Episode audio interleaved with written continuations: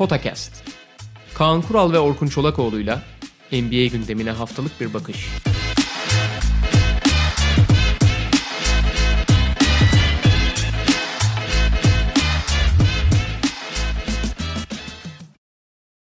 Merhaba, Potakest'e hoş geldiniz. Kaan Kural'la birlikte bugün tabii NBA finallerini konuşacağız ama öncesinde final serisini konuşmaya geçmeden evvel konferans finalleri nasıl bitti, son maçlar nasıldı, neler gördük onları konuşarak başlayalım.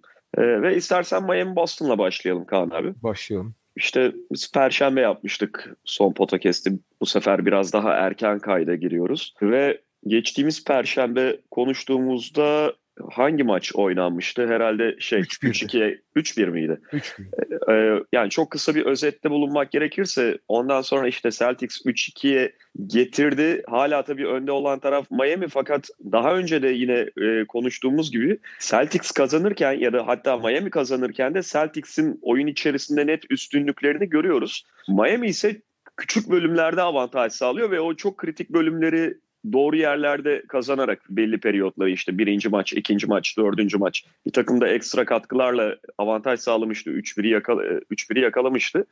Celtics ama beşinci maçta yine öyle kolay kolay dışarıya atılamayacağını gösterdi. Nitekim 6. maçta aslında çok büyük ölçüde Miami önde götürse de hep böyle Miami'nin bir takım ekstralarla oyuna tutunduğunu düşündüren şekilde seyreden bir maçtı. Yani onlardan işte en öne çıkanı Andre Iguodala ve onun getirdiği 4-3'lük toplamda 15 sayılık performans.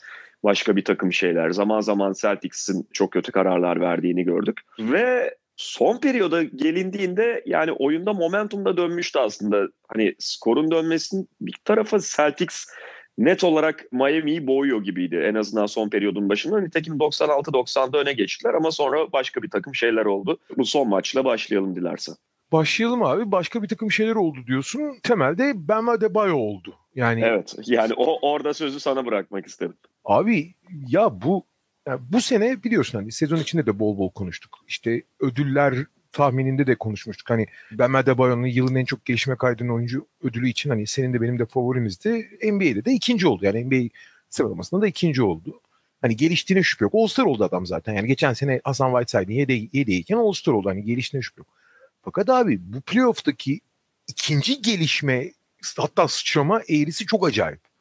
Yani buraya nasıl geldi ya daha doğrusu Mehmet bu sene nasıl All-Star oldu, nasıl öne çıktı? İşte çok birden beşe kadar her pozisyonu savunabilen, ayakları çok çabuk, çok esnek, çok çevik, iki elinde kullanabilen atlet, müthiş bir savunmacı. Hücumda da hani el yumuşaklığı ve doğal basketbol güdüleri olduğu için pas trafiğinin bir parçası. Gerçekten iyi pas verebilen yani pas trafiğinde önemli rol oynayabilen işte bir oyuncu olarak öne çıktı. Ama sonuçta kariyeri boyunca hiç bitirici olarak oynamadığı için bitirme yeteneği olsa da hiç ona yönelmemişti bugüne kadar. Yani pot altında bir opsiyondan çok ki zaten uzunlar artık ne kadar opsiyon oluyor ayrı tartışma konusu. Bir opsiyon olmaktan uzak gibiydi. Yani biraz işte Mark Gasol gibi diyelim ki şutu olmayan bir Mark Gasol gibi. Ama tabii onun çok daha hızlı çeviği gibi. Yani şimdi bu bile zaten hani başlı başına harika ki hani sezonun sonunda geldiği yerde ben hep şey diyordum. İleride gelecekteki ideal uzun profili budur prototipi budur yani. Hı hı. ondan daha değerli uzunlar olduğunu söyleyebilirsin işte. Davis de ona çok benziyor belli açılardan. Ama mesela atıyorum Joel Embiid'in daha iyi oyuncu olduğunu söyleyebilirsin. Sorun yok diyordum ben. Çünkü hani hücumda sınırlı. Daha doğrusu kendi kullan daha doğrusu şeyi var. Yani ham madde var ama çok kullanmıyor. Bunu adapte olması hı. zaman alır falan filan diye. Düşünürken abi bu playoff'ta önce seri ilerle yani aslında şeyde çok görmedik ilk iki turda. Çok ihtiyaç kalmadığı, o, o şekilde çok kullanmadı falan ama özellikle Boston serisinde Boston'ın dış oyuncuları çok baskı yapması, şey Daniel Tyson hani dışarıdaki handoff'ları hep sıkıştırmayla savunmaya çalışması, dışarıya Miami çok iştör bir takım olduğu için 3 sayı çizgisine baskı yapması belli riskler almasına sebep oluyordu ve Ben Adebayo'yu hiç görmediğimiz kadar ikili oyun oynarken gördük. Pick and roll'da devrilen oyuncu olarak. Yani standart uzun şeyi tipinde gördük. Evet. Ve zaten hani akıcılığı çok fazla, elleri çok yumuşak olduğu için, çok atlet olduğu için acayip bitirmeye başladı Boston serisinin ortasından itibaren. İki pick and içine içine vuruyordu yani. Hani acayip bir pick and oyuncusuna dönüşmüştü. Dönüşmedi de pick and kullanmaya başladı. Abi şimdi bu bile bence başlı başına ciddi bir değişim. Çünkü hani tamam yetenekli olabilir. İşte o roll zamanlamasını iyi olabiliyor. Elle, elleri doğal olduğu için çok, topu çok rahat. Çünkü e, uzunların en büyük sorunlarından bir taş elli olmakta. Topu net tutamazlar. Kaldırırken falan zorlanır. Orada zaten çeyrek saniye kaybetmek demek ya da o akıcılığı çeyrek saniye kaybetmek demek o pozisyonu da kaybetmek anlamına geliyor. Bunları çok akıcı yapabilen bir oyuncu Ben var. Fakat hani onları bitirmesi de e, bitirmesini beklersin normalde ama bir alışkanlık da meselesi. Yani onları hangi açıdan aldığın zaman nasıl denge bulup nasıl bitireceksin? Daha önce çok yapmamış bir oyuncunun bu kadar çabuk adapte olması başlı başına şaşırtıcı. E buraya kadar da çok iyi. Abi peki bu son maçın son çeyreğinde ne yaptı abi? Lebron oldu. Ya abi inanılmaz yani. Sağ el sol hiç fark etmiyor. Yön değiştiriyor. Driblingle adam geçiyor. Iç, drive üzerinden bitiriyor. Sırtını bitiriyor. Neler yapıyor abi? Hani driblingle oynayarak yani top yönlendirici olarak, initiator olarak, başlangıç noktası olarak topla geliyor. Yanis gibi abi. Yanis'in hatta daha çeviği, daha opsiyonlusu. Hani Lebron diyorsun ben daha çok Yanis gibi diyorum yani belli açılardan. Çünkü topla geliyor adamını geçip içine vuruyor. Topla geliyor adamını geçip postaptan yakından bırakıyor. Ya bir tane pozisyon var zaten ben dehşete düştüm orada ya. Savunma reboundunu aldı. Topla çıktı. Orta sahada kısalardan biri topu yavaşlatmak için yanına geldi. Driblingle onu geçti. Ortaya girdi savunmacısı yaklaştı. Sırtı dönük post-up pozisyona geçti savunmacısına. Yardım geldi ikili sıkışma. İkili sıkışma arasından asist yaptı potu altında. İşte Crowder'ın ne bitirdi pozisyonu. Evet, Ama sen Butler. daha ne yapacaksın lan? Daha ne yapacaksın yani? Ve bu sekans yani bu bahsettiklerimiz çok kısa bir periyo- bölüme sıkıştı bu arada dördüncü tabii, periyotta. Evet. Yani e, işte bitime altı buçuk dakika kala gibi başlıyor. Fakat maçın sonuna kadar aslında Ben Adebayo oyunu o şekilde götürmüyor. Yani belki iki dakikaya falan sıkışan iki iki buçuk dakika tam hatırlayamıyorum bir böyle sekans bir bölüm söz konusu. Ama öyle bir momentum değiştirici oldu ki ve belirleyici. E, belirleyici oldu ki son periyodun tamamını böyle domine etmiş gibi bir izle şey bıraktı, etki bıraktı. Yani o noktada işte demin dedim ya Celtics öne de geçmişti, momentumu da almıştı. 96-90'dı skor. Hatırlayacaksın Marcus Smart'ın çaldığı bir top vardı. Gitti smaç vurdu falan. Orada Eric Spoelstra mola almıştı diye hatırlıyorum.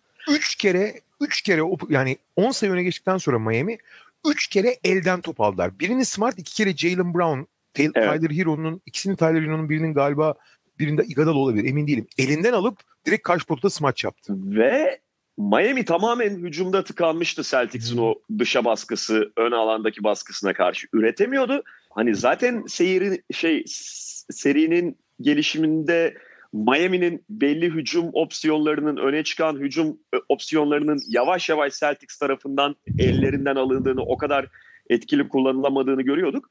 İşte son maçta, 6. maçta uzun süre Andre Iguodala'nın, boş bırakılan Andre Iguodala'nın üçlükleriyle çok önemli bir ekstra kazandı Miami Heat. Ama o noktaya geldiğimizde yani son periyodun ortası 96-90 Celtics öne geçmiş. Miami'nin cephanesi bitmiş gibiydi en azından o maç için. Bitmiş gibiydi yani. Ben şey dedim evet. izlerken. Tamam 7. maç oldu dedim açıkçası. Uzun bir süre olsa da. Abi Adebayo orada bambaşka bir şey çıkardı. Hani senin de söylediğin Antetokounmpo benzetmesi de çok yerinde. Antetokounmpo, LeBron ne derseniz deyin. Yani burada kastettiğimiz dışarıdan dribbling üstü üreten oyuncuya dönüştü bir anda. Bambaşka bir şey ortaya çıkardı ve aldı götürdü oradan. Bütün momentum değişti. Celtics ne oluyor lan dedi. Ondan sonra Celtics zaten oyunun kalanında çok saçmalamaya başladı. Bir anda baskıyı bu defa onların hissettiğini gördük. Çok kötü kararlar verdiler vesaire. Ama bütün bunları sağlayan, bütün bunları mümkün kılan da Adebayo oldu. Aynen öyle. Ee, bu arada Adebayo'nun çok gölgesinde kaldı ama ikinci yarının genelini Tyler Hero da müthiş oynadı.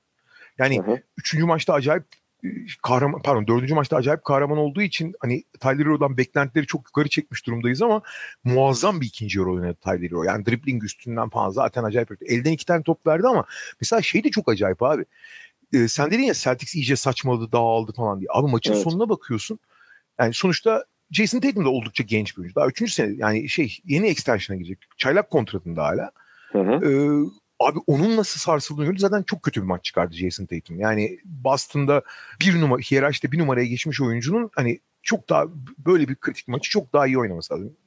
20 1'de 6 mı 21'de 7 mi öyle bir şeyle oynadı. Bakayım hemen kontrol edeyim bunu. Daha Acayip... fazla da e, şey ilk periyodu biraz hatta ayırabiliriz falan yani. 26'da 9 pardon. 26'da evet. 9 abi. Yani %35 ile oynadı. İlk ilk çeyrekte 7'de 0'dı zaten. İlk çeyrekte. Yani ondan daha yüksek performans. Fakat maçın sonuna geldiğinde Jason Tatum'un, Jalen Brown hariç Kemba Walker gibi kariyeri boyunca hani lider oyuncu olmuş ve herhangi bir şekilde hatası hata yapsa da bunun bir faturası olmamış bir oyuncunun bile ellerinin ayaklarının titrediğini görüyorsun. Bir tek Jalen Brown'un titremedi. Bu biraz karakter meselesi. Onun dışında herkesin top eline geldiğinde böyle elleri ayaklarına dolanıyordu. Nitekim Boston'ın ilk 46 üçlük kullandı abi. İlk 23 denemede 12 isabet, pardon 11 isabet. ikinci 23 denemede sadece 4 isabet. Evet. Bu yani tabii ki Miami'nin savunmasında falan bir sürü faktör var. Tek bir faktör değil ama ana faktör ellerin ayaklarının dolanmasıydı. Ve en önemlisi abi bu, bu maçta yani eleme maçında e, evet Tatum isteneni veremedi. Beklentilerin çok altındaydı. Çok düşük yüzdeyle oynadı vesaire falan ama mesela Jalen Brown iyi oynadı. Gayet iyiydi. Ve Hı-hı. Boston'ın bu seride belki de en büyük günahı yani bu, bu seri 6, 6 maçta 4-2 yenildiği maçta Boston'a en çok ne vurdu dersen top kayıpları vurdu abi. Yani garip tuhaf savunmanın çok çok zorlamadığı maçlarda acayip mesela 5. maç bir önceki maç bizim konuşmadığımız maçta da yine top kayıpları çok baş belası oldu aslında. Top kayıpları yüzünden ve tuhaf top kayıpları. Yani alan savunmasının illa penetre etmeye çalışıp halbuki o penetreyi abi alan savunmasına penetre ediyorsan penetreyi genelde bitirmek için etmemelisin. Bitirmek için edersen kalabalığın içine girip trafikte bitirmek zorunda kalıyorsun. Halbuki asıl amaç penetreyi yapıp geçtiğin adama yardıma gelen yani alandan diğer tarafı e, alanın diğer taraflarındaki oyuncular seni kapatmak için yaklaştığında alanı büzüştürmek, belli bir yere toplamak belli sayıda oyuncu ve sahanın geri kalanını boşaltmak üzerine yapılır o penetre. Bitirmek Hı-hı. için değil. Ha bitirebiliyorsan ne hala yani adamını geçtikten sonra kimse yardıma gelmiyorsa bitir tabii. Ne hala. Ama asıl me- mesele büzüştürmek. Nitekim Denver alan yapmadı ama alana çok yakın bir adam adama yapıyordu. Clippers serisinden çok alışmışlardı. LeBron içeri girerken hemen kapanıyorlar. Ama LeBron çok akıllı abi hemen dışarı veriyor. Açık alanı çok rahat kullanıyor. Daha zaten anormal kuvvetli de olduğu için Jeremy Grant'i arkasına aldığı pozisyonlarda da bitiriyordu. Ve e, bu alan yani alan savunmasına penetreyi alanı kullanmak için yapmak çok önemli ve bunu yapmadığı için Boston çok top kaybediyordu. Bu 6. maçta top kaybetmemelerine rağmen e, yenildiler ve Ha bu arada Bam Adebayo ile ilgili şeyi de söyleyeyim. Bam Adebayo abi maçı 15'te 11 isabetle 11 kere de çizgiye giderek yani durduramadıkları için hep foul yapıyorlar. Yani 15 atışta 32 sayı 14 rebound 5 asistle tamamladı abi. Yani bu nasıl bir istatistik? Yani LeBron istatistiği işte abi bu. Evet. Yani çok saçmalık ötesi. Tyler Hero da bu arada 19 sayı 7 asistle oynadı. Abi o da acayip ya. Yani şey çok etkileyici bu arada. Seri boyunca çok konuştuk onu da. Seri ilerledikçe Miami'nin opsiyonları daralmaya bak. Yani eli daralmaya başlamıştı. Ee, Boston Boston'da hemen hemen hiçbir oyuncu sınırlanmazken yani Boston kendi oyunu oynarken hatta sezon seri ortasında Gordon Hayward transferi yapmışken Boston hala bütün opsiyonlarını kullanıyor. Miami bazı opsiyonları hiç kullanamamaya başladı. Mesela kendiklerini sahaya süremiyorlar. Derek Jones Jr.'ı sahaya süremiyorlar. Kelly Olyny'yi sahaya, sahaya süremiyorlar artık. 7 kişilik bir rotasyona düşmüşlerdi. 7 kişi oynuyorlardı ya. Ve buna rağmen ben en çok etkilendiğim konu oldu. Zaten bu Miami e, sürekli bir çözüm üretebildiler abi. Gerek bireysel gerek takım olarak. Yani işte atıyorum playoff boyunca çok iyi şut atan Jay Crowder kötü şut atmaya başladı. Başka opsiyonlar buluyorlar ve herhangi yani Tyler Hero'sundan Igadalas'ına, Goran Dragic'inden Duncan Robinson'a zerre tereddütte oynamıyorlardı. Son olarak şeyi söyleyeyim. Beşinci maçın kaybedilmesinde yani Boston'ın kazanmasındaki en önemli faktörlerden biri de Bam Adebayo çok kötü bir maç çıkarmıştı. Bam Adebayo'nun belki de playoff'taki tek kötü maçıydı o. Yani e, bir yerde de sakatlan zaten kolunu tutup duruyordu. Onun ne kadar etkilediğini bilemiyorum ama abi savunmadaki etkisini çünkü Miami'nin en büyük sorunu güçlü savunmacıları ve zayıf savunmacıları var. Zaten alan savunmasının genel itibariyle rakibi durdurmaktan ya da iyi bir strateji olduğundan öte şeyle zayıf savunmacılarını saklamak için kullanıyor. Nitekim Boston belli periyotları alana müthiş hücum etti. Zaten mesela 6. maç elendikleri maçın ilk yarısında alanı paramparça ettiler paramparça ettiler alan savunması. 60 sayı attılar. Güle oynaya sayı atıyorlardı bir de yani. Senin söylediğin gibi savunma stratejisi olarak Igadala'yı boş bırakıp diğer 4 oyuncuyu 5 kişiyle savunuyorlar. Igadala oradan 4'te 4 üçlük çıkarıyor. Duncan Robinson ekstra üçlükler falan vuruyor handoff'tan. Ancak öyle Miami zar zor tutunuyordu. Alanı paramparça ediyordu Boston. Evet. Hücumuyla. Ama işte 5. maçta Bam Adebayo ortada iki kişilik savunma yapamadığı için Boston çok rahat oynadı ve 5. maçı rahat kazandı. Maçtan sonra da şey dedi ya bu maç benim sorumluluğumdu işte e, bütün sorumluluğu üstüme alıyorum dedi. Altıncı maçta da hakikaten sorumluluk nasıl alınır ve nasıl kefaret ödenir dersi verdi resmen. Ya sen biraz önce başta söyledin abi yani oyuncunun zaten sezon içerisinde gösterdiği gelişim ayrı bir konu ama playoff'ta bir daha gelişti herif. Yani, o, o başlı başına bir hikaye. Ve... Abi bu arada pardon özür dilerim gelişmek derken abi hani form tutarsın iyi oynarsın eyvallah. Abi yani playoff gibi her şeyin çok daha zorlaştığı ya, yani normalde yaptığın şeyleri bile çok daha zor yapabildiğin ya da çok iyi yapmadığın şeylerin elinden alındığı yetenek setinin daraldığı bir yerde adam fa- farklı yetenekler gösterdi ya. En manyağı o yani. Evet. Ya tabii orada iki şeyin hakkını vermek lazım. Hem Adebayo hem etrafına dair. Yani Adebayo çok özel karakter bir kere. Bunu yani özellikle adam bu kadar starlaştıkça hakkında daha fazla yazı çıkıyor. Daha fazla işte e, bilgi verilmeye başlanıyor ya da oyuncu tanıtılıyor falan. Gerçekten nasıl bir çalışma manyağı ve nasıl bir iş ahlakı sahibi oyuncu olduğunu falan öğrenmeye başladık ki o zaten sahaya da yansıyor ayrı konu ama içinde bulunduğu takım da ona o konuda çok fazla tabii olanak sağlıyor ve yaş- yeşermesini sağlıyor yani. Miami bu tip bir oyuncu için bayağı bereketli toprak. Yani bu hem koçuyla hem kulüp kültür, kültürüyle hem de mesela Butler'ın falan da varlığı ve buyur abi tamam yol senindir diyebilen bir oyuncu olması da önemli. Ha Butler demişken yani Butler bence kötü bir seri geçirdi açıkçası. Ve mesela son maçta Butler yine özellikle ikinci yarı dökülüyordu. Dökülüyordu e, Adebayo kurtardı. İlginç olan hani 5. maçı kaybedildikten sonra biz de aramızda konuşuyorduk. Herkes de söylüyordu. Butler'ın daha çok sorumluluk yani opsiyonları bu kadar daralmışken Miami'nin rotasyon daralmışken Butler'ın daha yüksek sorumlulukta oynaması gerekiyor diye bahsediyordu ki 6. maça Butler ekstra sorumluluk alarak başladı. Yani ilk 6 dakikada 7 top falan kullandı. Verimli verimsizliğinden bahsetmiyorum ama o sorumluluğun altına girdi. Ama genel itibariyle çok haklısın bu seriyi bayağı kötü geçirdi Butler. Hatta yani zaten playoff boyunca hücum liderliğini Dragic'e bırakmıştı. Oyun organizasyonunun işinin bir kısmını da Dragic'le Tyler Hero'ya bırakmış durumda. Resmen üç, takımın 3. 4. oyuncusu gibi oynuyor. Ama evet. bu, sağlıksız bir şekilde değil bu. Evet Butler'dan mümkünse daha fazla performans bekliyorsun eyvallah ya da daha fazla sorumluluk almasını daha fazla opsiyon olmasını. Fakat geri çekilirken belki biraz fazla çekiliyor ama bu herhangi bir hiyerarşik problem yaratmıyor. Zaten benim Miami ile ilgili en etkileyen şey oldu abi. Yani abi özellikle playoff gibi kazanmanın zorunlu olduğu rakibin sana çok iyi hazırlandığı atmosferde de hiyerarşi önemlidir tamam mı? Yani kimin hangi sorumlulukları net olarak alacağı ve bu sorumluluklar arasında bir sorun olması. Yani hani ben başlatacağım, ben şunu yapacağım. Yani rollerin çok daha define olması gerekir çatışma olması. Çünkü zaten çok zor o rolleri oynamak. Bir de kaba karışıklığı olursa bir de roller üstüne, üstüne binerse çok problem oluyor. Abi Miami bunun biraz antitezi gibi. Bu çok çok nadir görülen e, hani bizim klasik var ya takım olmak denen şey. Abi takım olmak illa söylediğin herkesin dostane bir şekilde görevleri paylaştığı, birbirinin ego problemi yaşanmadığı bir yer anlamına gelmiyor. Aynı zamanda bunların herhangi bir şekilde eksik bir yer varsa onu tamamlamanın çok doğal olması anlamına Yani kimin hangi rolü yapacağı belli ama o rol illa bir kişinin yani daha doğrusu yapılacak roller belli illa bir kişiye bağlı olmak zorunda değil roller. Ve çok doğal bir şekilde ya bu rolün yapılması gerekiyor. Ben yaparım derken biri diğer hiç kimsenin abi ben de yaparım diye araya girmemesi. Onları biri bir rolü aldığı zaman diğeri onun rolünü alıp rollerin sürekli değiştirilebiliyor olması. Sahada gerekli olan her şeyin yapılabiliyor olmasıyla alakalı. Bu da Hani sen dedin ya Miami çok imkan tanıyor diye. Abi Miami'nin en iyi yaptığı şeylerden biri. Burada o kadar doğal bir değişim oluyor ki o kadar Hı-hı. doğal bir şey hiçbir akıcılık kaybetmiyor. Ya benim mesela e, defalarca söyledim. En çok etkileyen herhangi maç boyunca aynı odaklanmayla, aynı konsantrasyonla, aynı oyun yoğunluğuyla oynamak imkansıza yakın. Bunu yapabilen takımlar özel takımlar. Miami bunu yaptığı gibi çok çok çok çok daha istisnai bir şey yapıyor abi. E, herhangi bir hücumun ilk 5 saniyesiyle son 5 saniyesi çok farklıdır abi. İlk 5-10 saniyede çok rahat ana opsiyonlarını, ana silahlarını, ana amaçlarını oynarız. Son 5 saniyede zaten ana amaçlar yani ama ana plan tutmamış, ikincil planlara, üçüncül planlara geçmişsindir. Biraz doğaçlama olmuştur. Yarıda kesilmiştir set planla.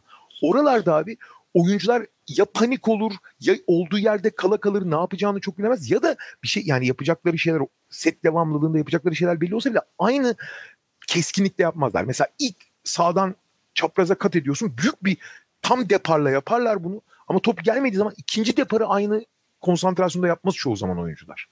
Orada düşersin çünkü. Anlatabiliyor muyum? Hı hı. Abi Miami'nin en etkileyici tarafı e, herhangi bir hücum son bölüme kalmışsa bile en ufak bir şey kaybetmemeleri dikkat. Ya da işte kadro daralmışsa bile işte o rolleri paylaşacak oyuncu sayısı azalmışsa bile personel azalmışsa bile hiçbir şekilde bu sorun yaşamamaları. Çok etkileyici ya. Gerçekten çok etkileyici. Peki Miami'ye döneceğiz birazdan final serisinde. Batı konferansının sonunu da konuşalım. Hı-hı. Ondan sonra da zaten Lakers Miami finalini konuşacağız. Lakers bir kez daha 5 maçta bitirdi. Üçüncü maçı kaybettikten sonra Lakers'ın bir kez daha gerektiğince adapte olabildiğini gördük. Lakers'ın ve Frank Vogel'ın ve işte dördüncü, beşinci maçları kazandılar. Ha, dördüncü maçı çok kolay kazanmadı belki Lakers. Fakat birincisi dediğim gibi adapte oldu Frank Vogel. Yani işte Dwight Howard'ı ilk beşe koyması, oradan Dwight Howard üzerinden bir verim elde etmesi. Sonra son periyotta Dwight Howard'ı aslında iyi bir maç geçirmesine rağmen e, oynatmayıp tam orada da Rondo sahadayken ve ondan verim alıyorken bir tane daha alan sıkıştıracak oyuncu almayayım demesi falan. Bütün bunlar iyi oyun içi hamleler. Dördüncü maç dediğim gibi biraz aslında Lakers için zor geçmişti oyunun gidişatında ama orada Jamal Murray'nin çok acayip performansı vardı. Yani bak dördüncü maçta abi herhalde sen de katılırsın. Jamal Murray'i kötü savunmadı Lakers aslında. Tabii canım. Yani Jamal Murray sapıttı. E, işin ilginci mesela üçlük isabeti yoktu o performansı gösterirken. Yani bu, Lakers biliyorsun bu playoff'ta %50 ile üçlük atıyor. Tabii ya ama ve Lake, Lakers'ın istediği bölgelere girip oralardan atış bulmasına, or, atışlarını oradan çıkarmasına rağmen Jamal Murray çok acayip performans gösterdi ve birçok pozisyonda dediğim gibi iyi de savunulmuştu esasında. Bazen yapabilecek bir şeyin olmuyor. Yani beşinci maçta LeBron'un da çok daha hani, dominant performansıyla birlikte Lakers oyuna hakimdi. Çok ufak periyotlar dışında yani aslında Denver'a çok da şans tanımadılar ve bitirdi yine 5. maçta seriyi. 3 tane hani Portland'ın zaten bambaşka problemleri vardı ama yine de etkileyici. 3 tane seriyi sadece birer maç geçerek kaza, e, buraya kadar geldi Lakers. Ve Lakers biraz yani final o yüzden ilginç olacak zaten. Lakers biraz Miami'nin antitezi demek istemiyorum ama yani daha farklı kurgulanmış bir yapı. Yani Miami iç içe geçmiş bir e, şeyken hani zincir chainmail var ya bu e, zincir e, şeyler var, zırhlar orta çağda iç içe geçen halkalardan oluşan. Miami biraz öyle gibi. Yani bütün halkaların birbirini desteklemesiyle yapılmış şey gibi. Şey ise bir mızrak gibi abi Lakers. Yani Lakers iki tane süper yıldızı sivri tarafı sürüklüyor. Diğerleri onların etrafında şekilleniyor. Hep diyorum yani bir yıldız sistemi gibi. LeBron her takımı öyle zaten. Yani ya da LeBron... zincirli topuz falan yani. Hani bir evet. tarafıyla vuruyorsun da öbür, öbürleri de arkasına diziliyor. Aynen. Yani LeBron her takımı öyle. LeBron'un olduğu yerde herkes LeBron'un etrafına dizilir abi. Yani bu bu kaçınılmaz bir şey ve aslında iyi de bir şey. Yani sonuçta kazanmanın ideal bir form yani formülleri var.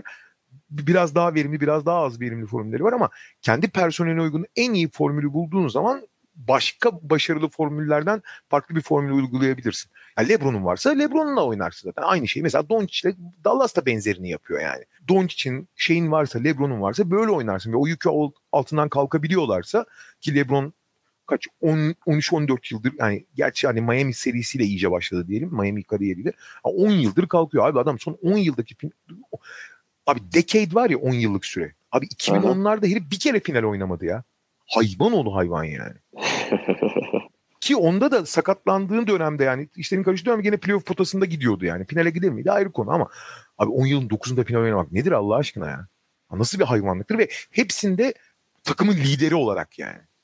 Çok çok acayip. Neyse ve işte Nanıs'ın Miami bir nevi birbirini destekleyen bir ortak yapıyla finale geldiyse burası da büyük bir komutanın arkasındaki ordu gibiler yani. Peşinden geliyorlar. Ve LeBron da açıkçası özellikle 5.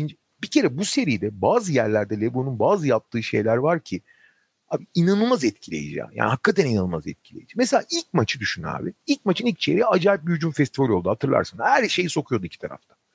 Abi ikinci çeyrek başında LeBron direkt acayip bir savunma konsantrasyonuyla girip maçın havasını değiştirdi. Yani resmen takımın da havasını değiştirdi ama ve şey yani resmen takıma sahada yaptıklarıyla beyler böyle bir senat bir benat havasıyla gidersek bu Denver çok tehlikeli takım. Böyle olmaz bu iş. Mesajını sahada verdi yani. Sonra abi son maça geldik. Maçın daha başında başlar başlamaz şey gibiydi ya koçbaşı gibi abi. Sürekli saldırıyor, sürekli saldırıyor, sürekli saldırıyor, sürekli saldırıyor. Ama nasıl bir saldırmak ya? 2007'deki LeBron falan gibi yani. Hani şey gibi o zamanlar biliyorsun hani posta oyunu da oyun sezgisi de görece çok daha düşük olduğu için hı hı. hani muazzam atletik yetenekleriyle potaya gidip bir şeyler üretmeye çalışıyordu. Şutu falan da zaten problemliydi. Abi 2007 LeBron gibi başladı ya. Saldırıyor abi sürekli. Yani bu şeyden dolayı Denver biraz evvel söyledim ya çok gömülü oynadığı için o gömülü oyunun üstüne gidiyor, foul alıyor, onu bozuyor, dışarıya veriyor tekrar ama sürekli saldırıyor yani. Ki hani oyuncuların hani kariyerleri gereği kariyerlerinin başında yani 23-24 yaşında yaptıklarını 35-36 yaşında yapmazlar. Daha seçerek oynarlar, daha bilerek oynarlar. Bu şey değil hani yaşlandığı için yorulduğundan bağımsız oyunu daha bilerek oynarlar yani. Hani direkt bilinçsiz bir şekilde gözünü kapatıp baltayı her yere vurmak yerine doğru yere vurmaya çalışırsın. Çok da normal bir şeydir bu yani. Ama nasıl saldırıyor abi ya daha başın başında bir psikolojik üstünlük getiriyor. Ya ben bu maçı kaybetmeyeceğim ve ben bu maçta kafa yani yıkacağım sizi şeyiyle geliyor. Foul aldırmaya çalışıyor. Nitekim zaten yok için foul problemine girmesinde de önemli Paris Çünkü herkes yok işe yardım etmeye çalıştığı için yok için çembere savunamadığını alıyor. Foul problemleri arttı. Zaten son maçta şöyle bir şey oldu. Tabii yok hiç foul problemi girip az süre aldı. Cemal Murray de sakatlandı maç içinde. O yüzden hani Lakers görece daha rahattı belki de. Onun da faktör olduğunu unutmamak lazım. Ama LeBron bu ma- şey çok önemli. LeBron maçı nasıl kazanacağını çok iyi biliyor abi. LeBron zaten iyi oynayabilir. Nitekim bunun en önemli örneklerinden biri dördüncü maçtı galiba. 30 sayılık bir triple double yaptığı maç hangisiydi? Dörttü değil mi? Dört. Dört olması lazım. Ee. Şey bir dakika. Sen kaybedilen maçı mı diyorsun? Kaybedilen, kaybedilen. Üçüncü maç. Ha, abi o maçta iyi oynadı ama etkili oynamadı. Sadece iki serbest atış kullandı mesela. Çünkü LeBron öz, o kadar özel bir yetenek ki iyi oynayabilir. Ama etkili yani tabii ki oyuna etki, galibiyete etki iyi oynamakla çok paralel bir şey. Ama birebir korelasyonu yok abi. Oyunun en kırıcı noktalarında, en oyunu değiştiren anlara ne kadar etki yaratıyorsun. Abi Le ve işte takıma verdiğin mesajlar, takımı sürüklen. Abi o maçta LeBron iyi oynadı. Fırsat bulsaydı yani takımda o ekstra bir şeyler çıksaydı, maç içinde fırsatlar çıksaydı, takım arkadaşlarından biri ısınsaydı Davis vesaire başka biri. Hakikaten orada tekrar bir ivme kazanıp maça daha sert bir darbe vurabilirdi. Vurmadı abi. Bir sonraki maç, dördüncü maçta bundan hani üçüncü maçta yaptıklarından bir tık daha istatistik yaptı. Sayı, rebound, asistleri biraz daha şeydi. Ama çok daha etkili bir maç oynadı abi. Ve son maçta abi ilk maçı içeriği öyle başladı. İkinci çeyrekte normal oyun abi son çeyrekte bir de ritim bulup şutu da girmeye başlayınca abi ben bu maçı tek başıma alırım. Yani bir takım arkadaşlarım da rakip de ne yaparsa yapsın ben maçı alırım dedi ya. Ve aldı da yani hani sonunda. Hani hakikaten çok etkileyici, çok görkemli kariyerinde çok görkemli maçı var ama o son çeyrekte yaptıkları ve genel olarak maçta verdiği sahada oyunuyla verdiği mesajlar, ma- maçın nerelerine nasıl etki ettiği ya inanılmaz. Gerçekten inanılmaz yani.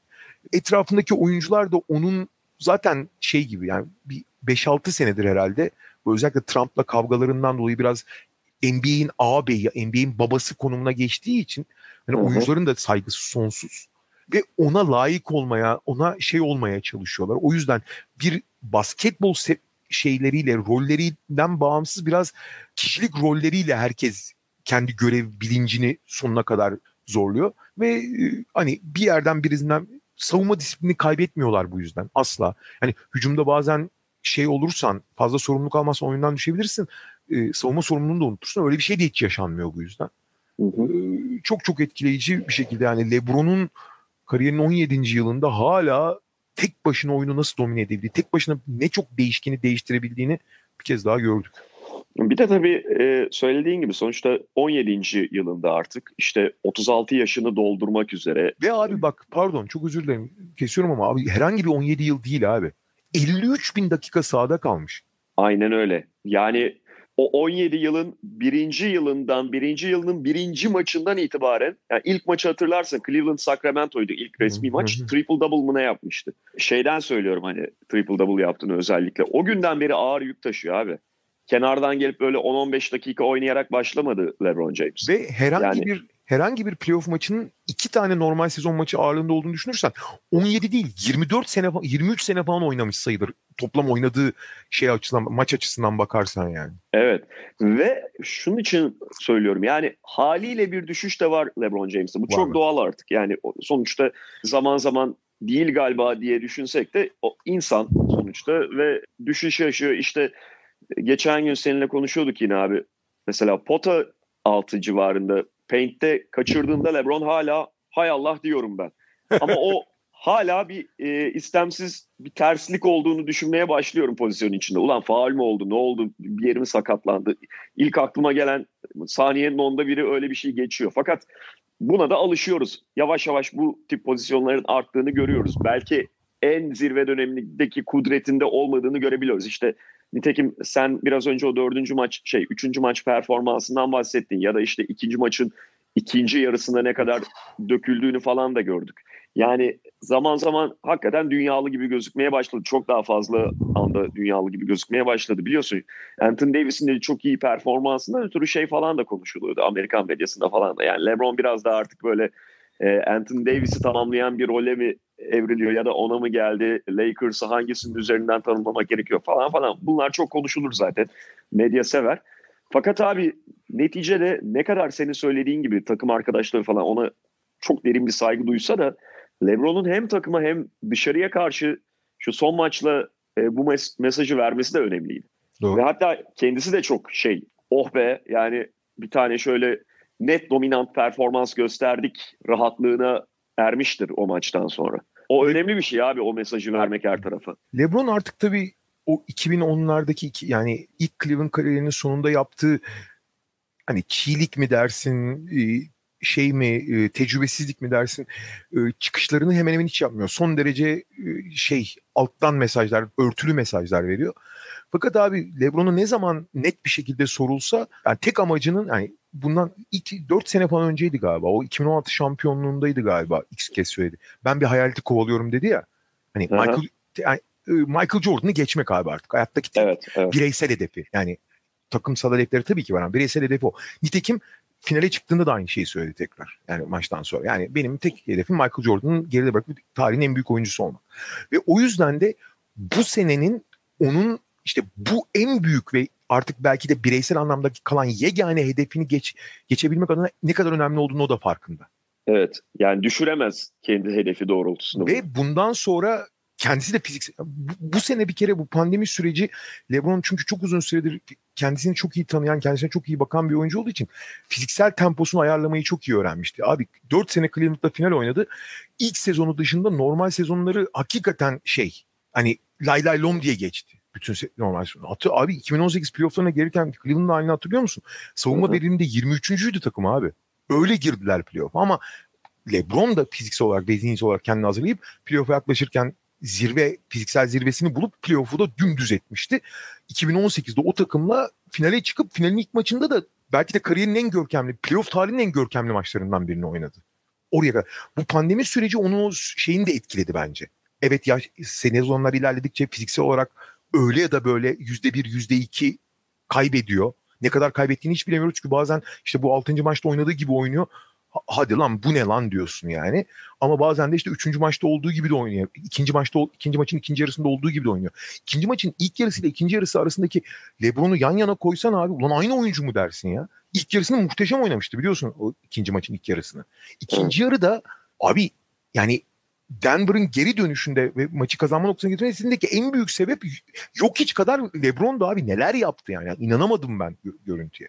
Hı hı. Ama işte 6. maçta da tekrar gösteriyor. Artık senin söylediğin gibi şey LeBron'dan beklemediğimiz performanslar ya da beklemediğimiz fiziksel eksiklikler belki biraz daha fazla fazla derken eskiden hiç yoktu yavaş yavaş gözükmeye başlıyor ama tekrar böyle yıkıcı performansları da kariyerinin yani fiziksel zirvesinde artı oyun bilgisi, oyun olgunluğu, oyunun neresine müdahale edecek kapasite, zihinsel kapasite, oyun bilgisi konusunda da efsanevi maçlar oynuyor abi. Efsane maçlar oynuyor. Yani her birini seyretmenin bir ayrıcalık olduğu maçlar oynuyor. Ulan bunu da seyrettim dedirtiyor yani. Ve finale geldi ve finale gelir gelmez de abi kazanmışlar, tur atlamışlar. Öyle ya da böyle bir sevinç var. İlk söylediği şey işimiz bitmedi abi. Daha koridordan yürürken işimiz bitmedi. İlk söylediği ya. hey hey bravo falan değil. İşimiz bitmedi. Yok ee, yani ya dedim ya demin şimdi sonuçta LeBron LeBron farkındalığı çok yüksek bir adam abi. Çok yani bu, bu sadece oyun farkındalığı değil. Dünya etrafında onun dünyasında basketbol dünyasında falan neler oluyor, ne konuşulur, hangi senaryoda hangi duruma düşer falan o kadar iyi biliyor ki bunları. Tabii ki şeyi de biliyor abi yani bu çok bariz bir şey zaten. Clippers'ın elendiği gün LeBron'un önüne önemli bir fırsat açıldı. Yani bu şey anlamında demiyorum. Clippers gelseydi Lakers'ı indirir, Lakers'ı elerdi anlamında de, demiyorum. Lakers pekala Clippers'ı da eleyip finale yükselebilirdi ama Clippers elendiği gün Lakers ana favori durumuna geçti bir anda Tabii. kamuoyu nezdinde. Ve şu anda sen biraz önce bahsettin işte yani bu şampiyonluğun ne kadar önemli olduğu, şampiyonluğu bu sene kazanmanın ne kadar önemli olduğundan. Şu anda LeBron açısından o kovaladığı hayalet işte kovaladığı hedef doğrultusuna bakarsak bu kaybedilemeyecek bir şampiyonluk artık. Mesela kariyerindeki birçok sezonda özellikle Cleveland'daki e, yıllarda genelde underdog'du finale gel- geldiğinde LeBron James. Ama bu bunu kaybederse zaten her şey biter LeBron açısından şey o kovaladığı hayaleti o kovaladığı hedef doğrultusunda. Bunu bunu düşürmemesi gerekiyor farkında ve onun şeyiyle yani konferans finali şampiyonu olmuşuz işte finale çıkmışız. Lakers senelerdir playoff yapamıyorken finale getirmişim falan hiçbir önemi yok tamamlamanın işi. Onun farkında devam ediyor. Peki finale gelelim abi. Son olarak seriyle ilgili şeyi söyleyeyim abi ben. Hı hı.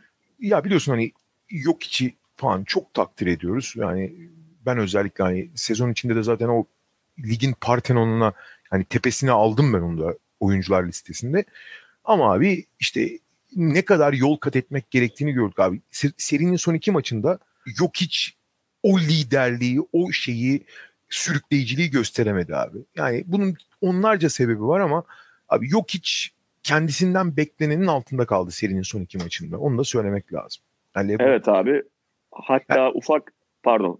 E, yani Lebron, Lebron'u ya da bütün liderleri bu kadar övüyorsak lider olduğu takımda da böyle maçlarında da kötü oynamadı. Yani zaten son maçta foul problemi falan ama bu kötü iyi başka bir şey abi ondan beklenen rolün altını dolduramadı. Bu kadar. Hatta ufak bir öz eleştiriyle birlikte şunu ekleyeyim. Yani Jamal Murray bizim bu olgunluğu gösteremeyeceğini, hiçbir zaman ha. bu olgunluğa erişemeyeceğini düşündüğümüz Jamal Murray yok içten çok daha lider oynadı. Ve şeyi de ekleyelim abi. Adebayo'yu falan söylüyoruz ama Jamal Murray de bu playoff'ta acayip bir sıçrama yaptı abi. Çok yani, net, çok net yani hep bir skorerdi ama dribling üzerinden üreten, baskı altında geri adım atmayan, istikrarsızlık, istikrarsızlıkla anılan oyuncunun nasıl bir istikrarlı ve şey doğru seçmeyi öğrenen bir oyuncu olduğunu görmek de çok çok etkileyiciydi abi. Evet. Peki finale gelelim. Gelelim abi. Yani yan hikayeleri bayağı fazla bir final bu da. Tabii ki işte bir Lakers Celtics olsaydı o bambaşka bir kapıyı açıyor ama Lakers Miami'de de bir kere LeBron Miami var. Petra LeBron, Petra Lakers, Spolstra LeBron, Spolstra Frank Vogel, Indiana Miami günlerinden öyle bir koç kapışması var. Dion, Wait- böyle Dion Waiters. Dion Waiters Dion Waiters. ee, ya bunun yanında tabii işte LeBron Anthony Davis'in bir tarafta şampiyonluk arayışı, diğer tarafta Butler'ın şampiyonluk arayışı falan derken bu tip çok hikaye mevcut. Bir tarafta Ve, bir tarafta sezona şampiyonluk parolasıyla favori olarak giren, bir tarafta yeniden yapılanıp hani sezon başı itibariyle şampiyonluk adayları arasında ilk ona zor giren bir takım falan. Evet. Ve iyi de bir eşleşme bence. Yani çünkü İyi eşleşme derken iyi eşleşme her durumda tabii ki tamamen böyle denk, tamamen pozisyon pozisyon birbirinin benzeri bir eşleşmeye işaret etmiyor. Fakat burada birbirinin ana silahlarına karşı net cevapları bulunan, bu bakımdan rakibinin aldığı şekli hemen kopyalayabilecek falan böyle takımlar mevcut. Mesela çok yakın seriden örnek vereyim. Yani Lakers Denver çok iyi bir eşleşme değildi Nuggets tarafından baktığından. Biraz da işte seri skoruna yansıdı vesaire. Lakers Miami hani bir taraf favori gösterebilirsiniz falan ayrı konu ama iyi bir eşleşme bence sahaya teknik tarafına baktığımızda. Abi şöyle ben en büyük günah işleyeceğim ya bu seriyle ilgili olarak. Yani şirk koşacağım resmen. Vur gitsin. Abi ben Miami kazanacağını düşünüyorum. Yani bunun bir sürü sev yani abi LeBron yani bu kadar LeBron'dan bahsettik abi. LeBron diğer hiçbir süper yıldıza benzemiyor abi tamam mı? Yani ben mesela şu anda dünyanın en iyi oyuncusu kim desen ben Kawhi derim. Yani en azından bu playoff'lara kadar, playoff'ların ortasına kadar Kawhi diyordum. Hala tartışabilirsin. Geçen sene Durant'ti bence. Daha doğrusu son 3 sezondur Durant'ti bence. Bu başka bir şey. Ama abi bir takımın liderliği ve böyle kritik maçlar, ha iyi kriterini belki de en önemli kriter budur. Hani büyük maçlarda kime en çok güvenirsin ve kim senin için çok belirleyici olur dersen işte orada abi LeBron'un karşısına isim koymak gerçekten bir 7-8 senedir 10 senedir çok zor yani. Ve her ne kadar biraz önce bahsettiğimiz LeBron belki fiziksel zirvesinden bir adım gerilemiş olabilir ama hala neler yapabileceğini biliyorsun ama ne kadar yapacak işte kritik nokta o. Yani seri boyunca kaç maçta yapacak, her maçta mı yapacak ve her maçın kaç dakikasında. Eskiden abi LeBron'un bir playoff maçında 43-44 dakikalar oynayacağını ve bunların 2-3 dakika yani 40 dakikası civarında bunu yapacağını biliyordun. Şimdi 43-44 yani 41-42-43 dakika oynayacak ama 35 dakikanın üzerinde acaba bu kadar etkili olabilecek mi soru işaretine soruyorsun ama finale gelmişken LeBron artık hani ölür ama yapar diyorsun tamam? Ve bunu yaptığı zaman da bundan daha büyük bir değişken yok abi. Yani bundan daha bir maçı değiştiren faktörler yüzlerce ama bir numara budur abi. Yani LeBron sana sıkıştı yani her tür çözüm üretir rakibin en büyük zayıflıklarını bulur. Kendi zayıflıklarını bir şekilde dengeler. Takımını arkasından sürükler. Herkesi devreye sokar. Daha önceki serilerde konuştuk abi. Lebron'a muhtaçlar çoğu kişi ama muhtaçlığın hepsini besler vesaire vesaire. Bu bile başlı başına onlarca faktörün önünde hepsinin önünde. E artı Lakers belki takım halinde çok yükselen, rollerin iyice belirlendiği, oyuncuların serpildiği bir ortam çok yaratmadı playoff içinde. Yani playoff'a girerken işte Anthony Davis zaten çok özel bir yetenek olduğu için ve LeBron sayesinde o yeteneklerini sergileyebilecek alan bulduğu, zihinsel olarak maça girmekte zorlansa da LeBron'un maçı da sokabildiği için çok büyük faktör oluyor. O yüzden hani bu serinin en iyi iki oyuncusu, en önemli iki oyuncusu kim dersen Davis ile LeBron'dur abi. Yani ilk sırada hiyerarşide. Ve bu aslında herhangi bir seri için yeterli. Yani daha üzerine çok fazla bir şey konuşmaya gerek olmaz herhangi bir seri için. Ama mesela diğer oyuncuların işte Rondo evet çok iyi bir playoff geçiriyor. Çok kendi buldu ama herhangi bir oyuncunun işte rolünde çok rahatladığını, çok şey yaptığını, geliştiğini, yeni seviye atladığını falan çok da söyleyemiyorsun. Caldwell Pop da iyi bir seri geçiriyor. O da çok rahat falan ama Caldwell Pop'un da zaten yaptıkları 3 aşağı 5 yukarı belli. Sadece iyi durumda Caldwell Pop. Rolüne alıştı falan. Ve bu bu yeterince etkili. Artı biraz evvel bahsettiğimiz şeyleri tekrar etmeyelim. Yani LeBron'un etrafında çok iyi şekillenmiş takım çok ciddi bir savunma disiplininde kavuşmuş durumda. Frank Vogel risk almaktan ki bu takımda biliyorsun abi başarı şart yani. O tip durumlarda hele ki Vogel gibi kariyeri biraz sarsıntılı olan çok kötü bir Orlando döneminden sonra kendini yeniden tanımlamaya çalışan bir koç için risk almak zordur. Yani bilinen en temel doğrulara sarılırsın. Hiç öyle şeyler yapmadı. E, Dwight Howard örneğini verdin sen. Bir önceki turda şeye karşı Houston'a. Houston'a karşı hiç oynamayan Dwight Howard burada 35 dakikalar falan oynadı. O yıpratıcılığıyla, o sertliğiyle yok için belki de performans düşüşündeki en önemli faktör oldu. Oyunu hı hı. şey e, yıp, fiziksel ve zihinsel olarak yıpratarak. Bunları da deniyor. Alan savunması bile denedi. Sezon boyunca hiç yapmadığı alan savunmasını denedi. Houston'ı çünkü penetre... Abi zaten penetreyi savunamıyoruz. Bari alan savunması yapıp ortada boğalım. Ve köşelere değil yukarıya yani above the break denen yani köşelerden üçlük yemeyelim. Houston oraları kovalıyor. Yukarıya geri dönme yani tepeden ve karşıdan atmasını sağlayalım deyip hani serideki duruma göre değişkenlikler de gösteriyor. Çok ciddi iyi adaptasyonlar da yaptı en azından makro seviyede. E, mikro seviyede zaten her şeyi LeBron çözüyor. Bunlar yeterince şampiyonluk için yeterli şeyler. Ama abi ama yani niye Miami diyorsun o zaman diyeceksin. Yani şimdi niye Miami? Abi bir biraz kendi kendimi mi ikna ediyorum bilmiyorum ama ben de Miami'nin gelişiminden birçok etkilendim. İkincisi Miami'nin hiçbir şekilde Boston gibi komple bir takım tarafından bile uzun problemi hariç opsiyonları elinden alınsa bile hiçbir zaman sıkışmadı. Sıkışmadı abi. Hiçbir sıkışmıyorlar yani. Ve hep şey yapıyorlar. Bir şekilde daha az verimli olsa bile çözüm buluyorlar ve hiçbir şekilde oyundan düşmüyorlar. Ve devamlılık, süreklilik, sürümden kazanma diye bir şey varsa Miami'den daha etkileyici takım çok az gördüm ben. Ve bunun modern basketbolda artık hücum çarçur etmeye çok izin vermeyen basketbolda çok büyük bir değer olduğunu düşünüyorum. Yani 100 hücum yapıyorsa Miami abi yüzünü de iyi yani doğru oynuyor. İyi oynamak başka bir şey. Doğru oynuyor. Ve Lakers'ın LeBron'un biraz evvel fiziksel şeylerinden bahsetmiştim. Lakers'ın bunu yapamadığı yerlerde mesela Denver serisinde de gördük. Houston serisinde çok görmedik çünkü Houston çok düştü oyundan. Ama e, Denver serisinde gördük. Oralarda Lakers tökezleyebiliyor. Anlatabiliyor muyum? LeBron'da devrede değilse. Ve buralarda çok fark yakalayacağını. Bir. İkincisi Miami çok fazla handoff üzerinden oynayan bir takım. Lakers savunması için onlar çok şey pozisyonlar. Yani çok rahat ettiği, çok rahat savun, savunamadığı pozisyonlar. Bir o. Bir de şey çok önemli abi. LeBron öyle özel bir oyuncu ki onunla eşleşmek kolay değil. NBA'de onunla eşleşebilen oyuncu mesela Denver kimseyi bulamadığı için mecburen Jeremy Grant'e gitti. Jeremy Grant çok iyi bir savunmacıdır. Çok farklı pozisyonlar savunuyor ama ince kalıyordu LeBron'a. Elinden geleni yaptı ama LeBron onu ite kaka dövdü yani. Hı hı. Miami'nin en büyük avantajı abi. Miami LeBron'la tüm ligde en iyi eşleşebilen 10-15 oyuncudan üçüne birden sahip. Jay Crowder'a, Andre Iguodala'ya ve Jimmy Butler'a sahip. Üçü de LeBron'la eşleşir. Bu LeBron'u durdurmak falan anlamında değil ama LeBron'u belli bir alanda en azından e, olabilecek en iyi şekilde kontrol edebilecek oyunculara sahip demek ve bunları değiştirerek sürekli kullanıp fiziksel olarak da çok daha yorabilir LeBron'u. Ee, e Anthony Davis de geride kalıyor. Adaba öyle çok eşleşeceğini düşünmüyorum ben. Adebayo eşleşirse iyi eşleşir Anthony Davis'le ama çoğu zaman eşleşmeyecektir. Çünkü ikinci uzun ne yapacaksın vesaire. Ama genel toplamda Miami'nin o sürekli düzenli olarak üretebilen, düzenli olarak doğru oyunu oynayabilen yapısı, düzenli olarak başka bir oyuncuyu öne çıkaran yapısıyla Lakers'ın biraz liderleri üzerinden, liderlerinin kurguladığı oyunda zaman zaman tökezleyebildiği anlarda Miami'nin fark yaratacağını düşünüyorum açıkçası. Şey konusunda ya tamamen sana katılıyorum abi. Miami'nin devamlılığı konusunda yani oyundan düşmemesi daha doğrusu işte demin Celtic serisiyle ilgili konuşurken de onun altını çizdin, detaylandırdı.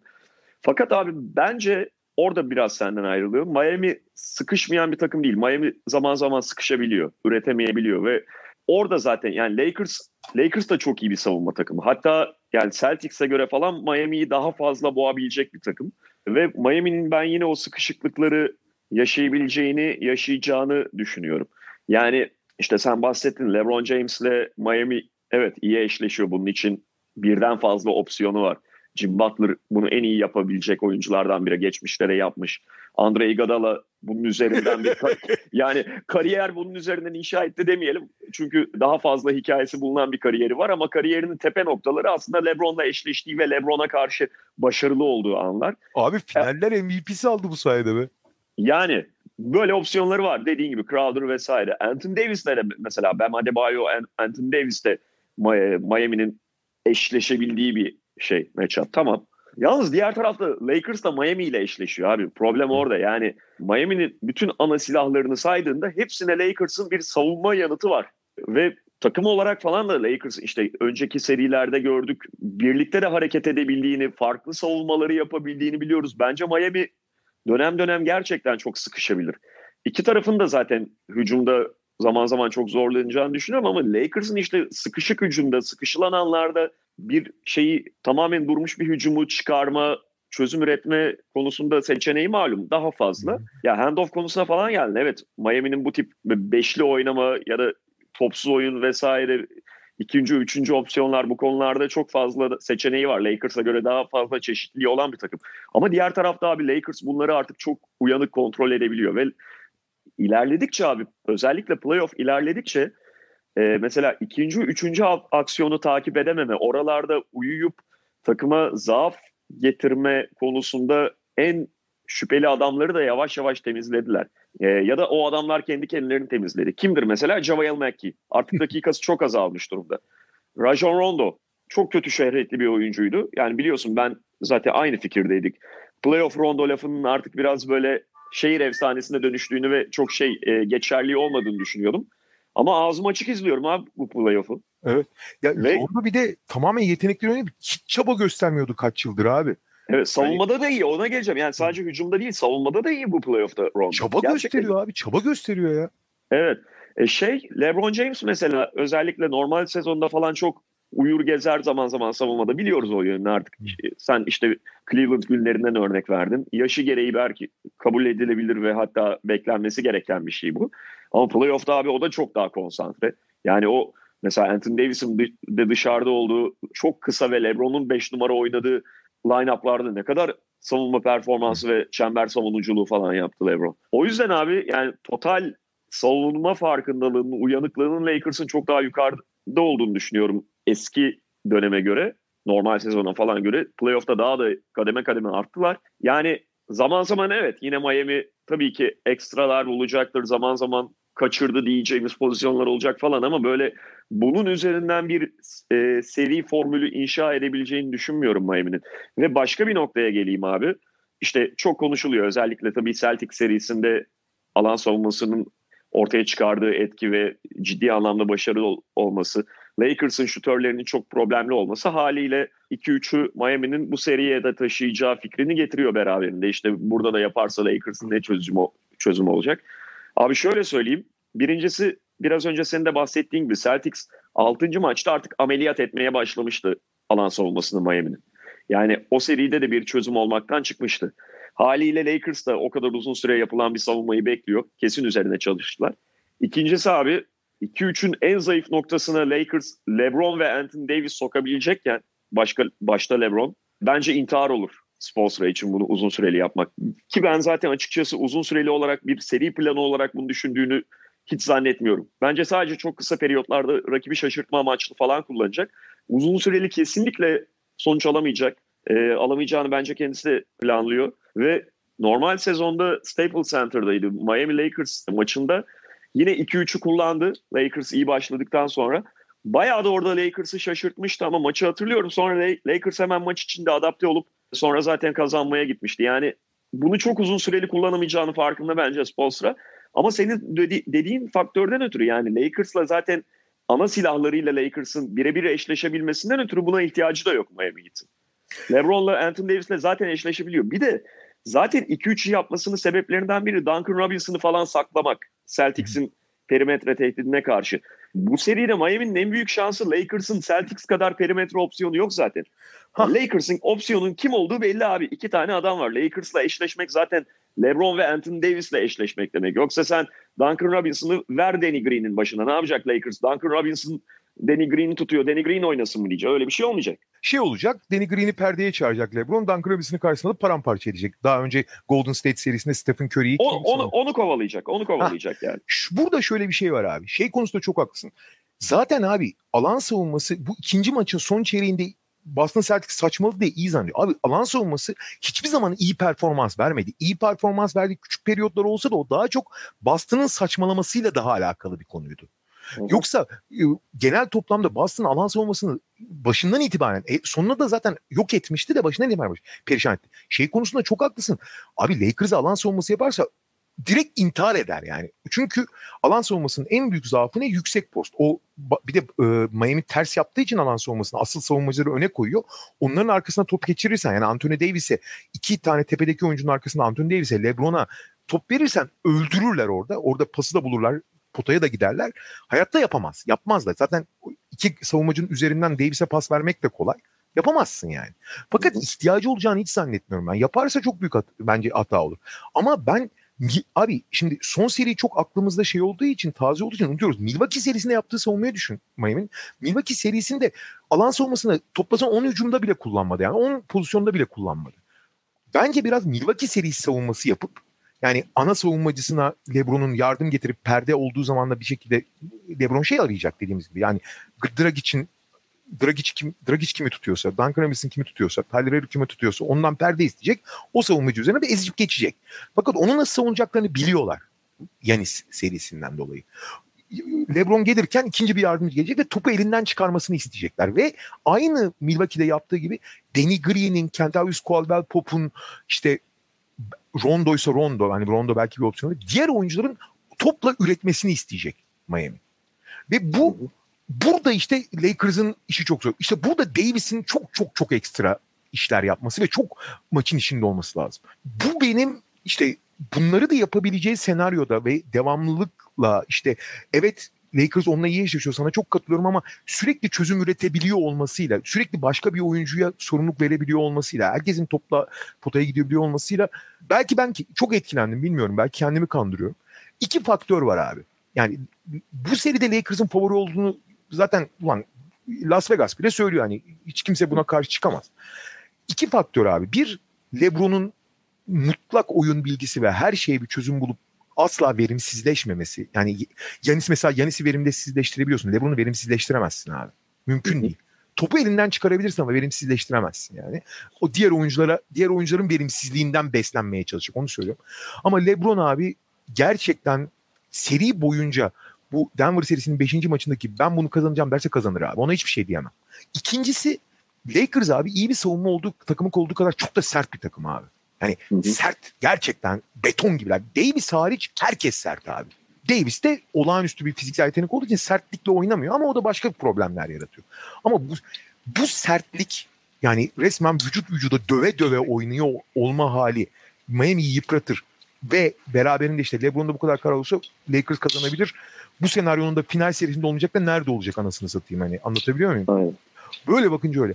Ama e, ben diğer taraftan bu devamlılık sorunlarının daha büyük olabileceğini falan düşündüğüm için belki de çok etkilendim bilmiyorum Miami'den. Bir de hani sen dedin ya normal sezon ikinci yarısında gördük diye.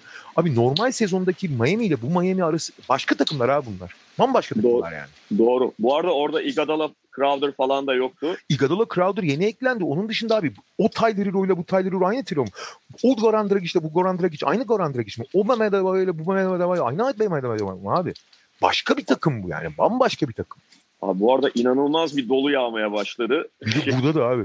Abi şey yani ceviz Hocam ben şirk ben şirk koştum o yüzden olmasın. senin yüzünden abi bana niye yağıyor?